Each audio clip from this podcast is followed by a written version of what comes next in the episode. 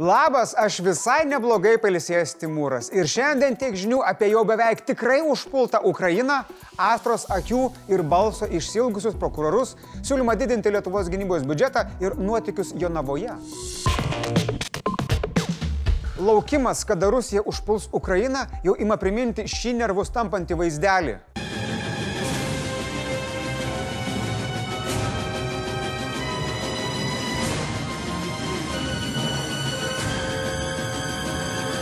Ai, ai, negaliu žiūrėti. Tačiau tai nereiškia, kad grėsmės yra mažiau. Jei lankotės naujienų portaluose, tai nerimas, jog Maskva ieško preteksto invazijai, auga valandomis.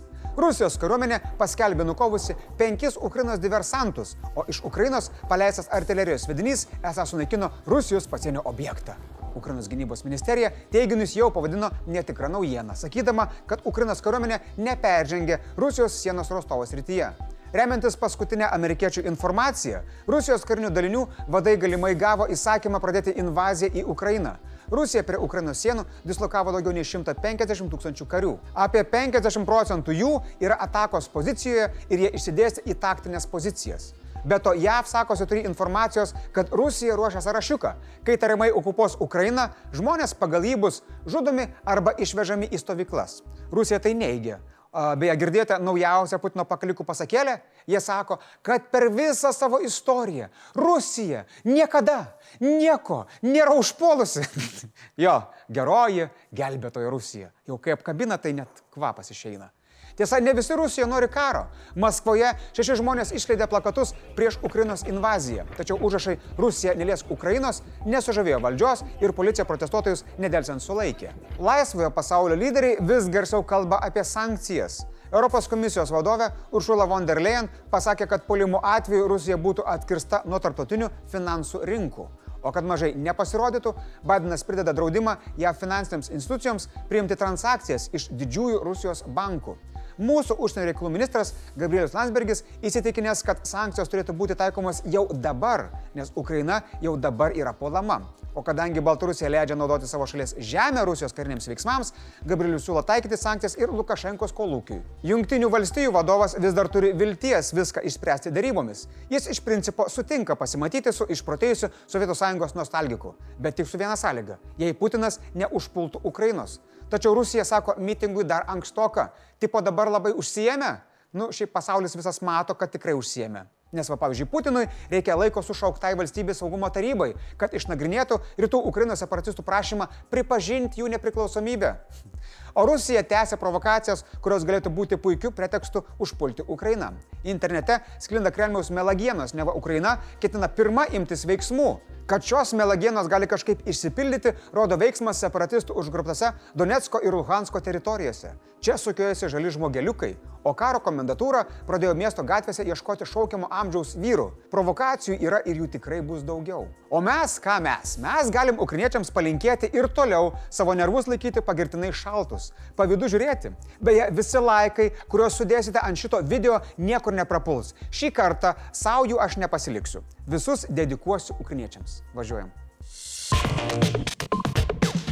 Bet jūs pernai metų reušės prie Seimo gal ir pamiršot, o štai prokuratura ir policija, kaip griežta mama, atsimena viską. Viską. Vilniaus apskrities policija pateikė įtarimus dėl reušų organizavimo ir provokavimo mitingą prie Seimo tą pačią dieną organizavusiai mokytojai Astrai.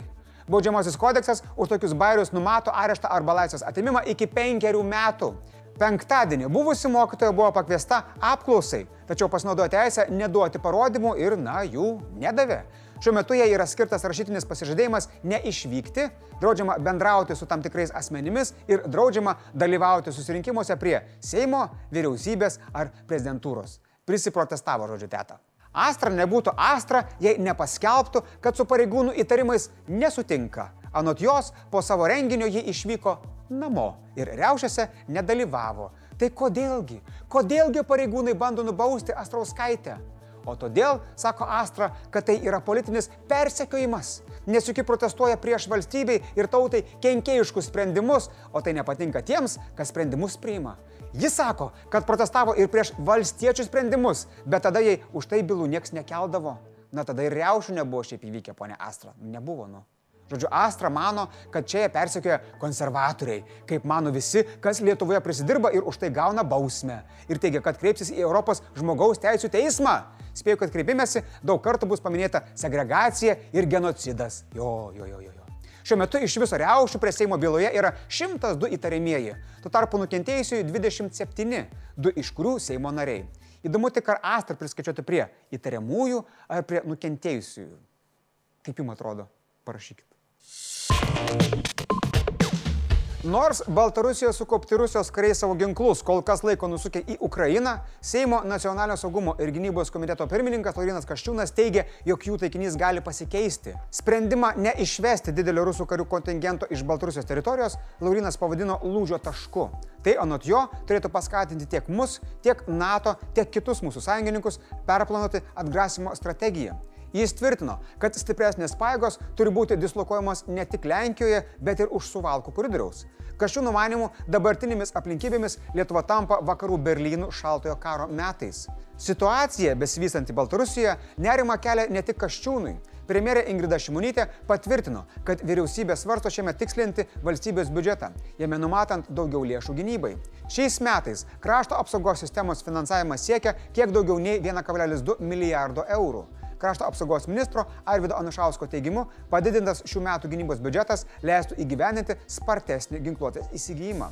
Jis tikisi, kad biudžeto pataisimas neatvers pagėdavimų koncerto. Na kaipgi neatvers. Kas šiais laikais nenori gauti dar daugiau pinigų Arvidai? Nu kas, nu kas, nu kas. O kol gynybos biudžetas nesipildo papildomais pinigais, Lietuva pradeda pildytis karinę techniką, bet čia tik laikinai. Lietuvoje ir kitose Baltijos šalise prasidėjo regiono saugumą stiprinančios didelio masto tarptautinės karinės pratybos. Tad nuo šiandien iki kovo 8 dienos Lietuvoje padaugės karinės technikos ir stačių vamzdžių. Beje, ta proga, kad regione vyks pratybos, Lietuvos kariuomenė perspėja vairuotojus dėl galimų eismo sutrikimų. Didžiausias karinės technikos judėjimas numatomas per Kalvarijos užkardą. Kolonos, kurios dalyvaus pratybose Lietuvoje, nuo Kauno rajono judės į poligonus Rukloje ir Pabradyje. Pamojokit pravažiuodami tipo. Achemos darbuotojų streikas tebesitėse. Dvi savaitės ir jokių rezultatų.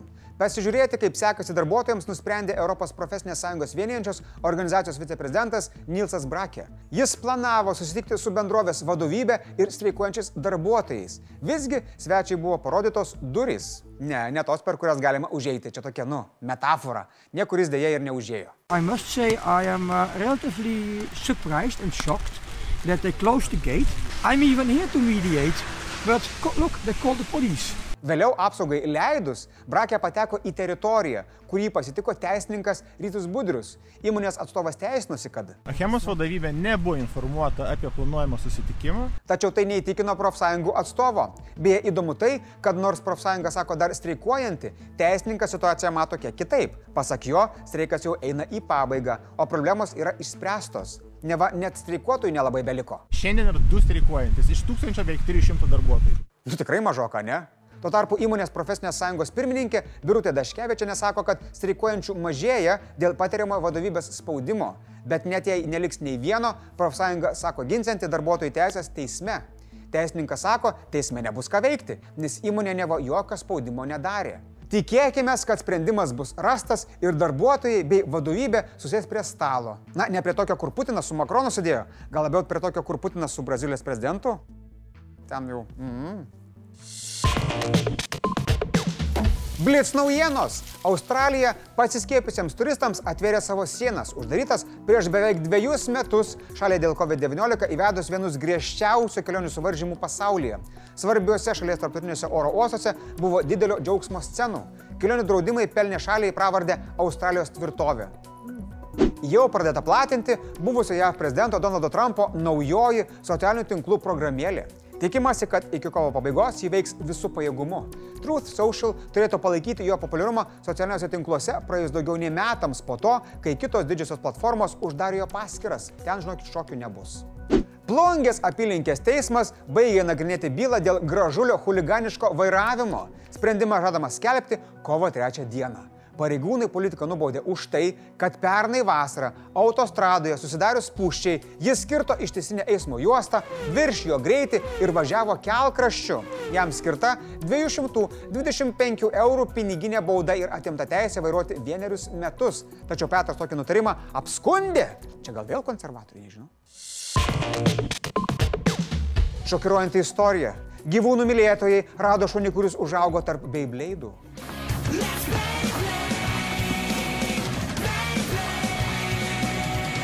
Šiandien tiek žinių, rytoj čia vėl būsiu aš. Iki.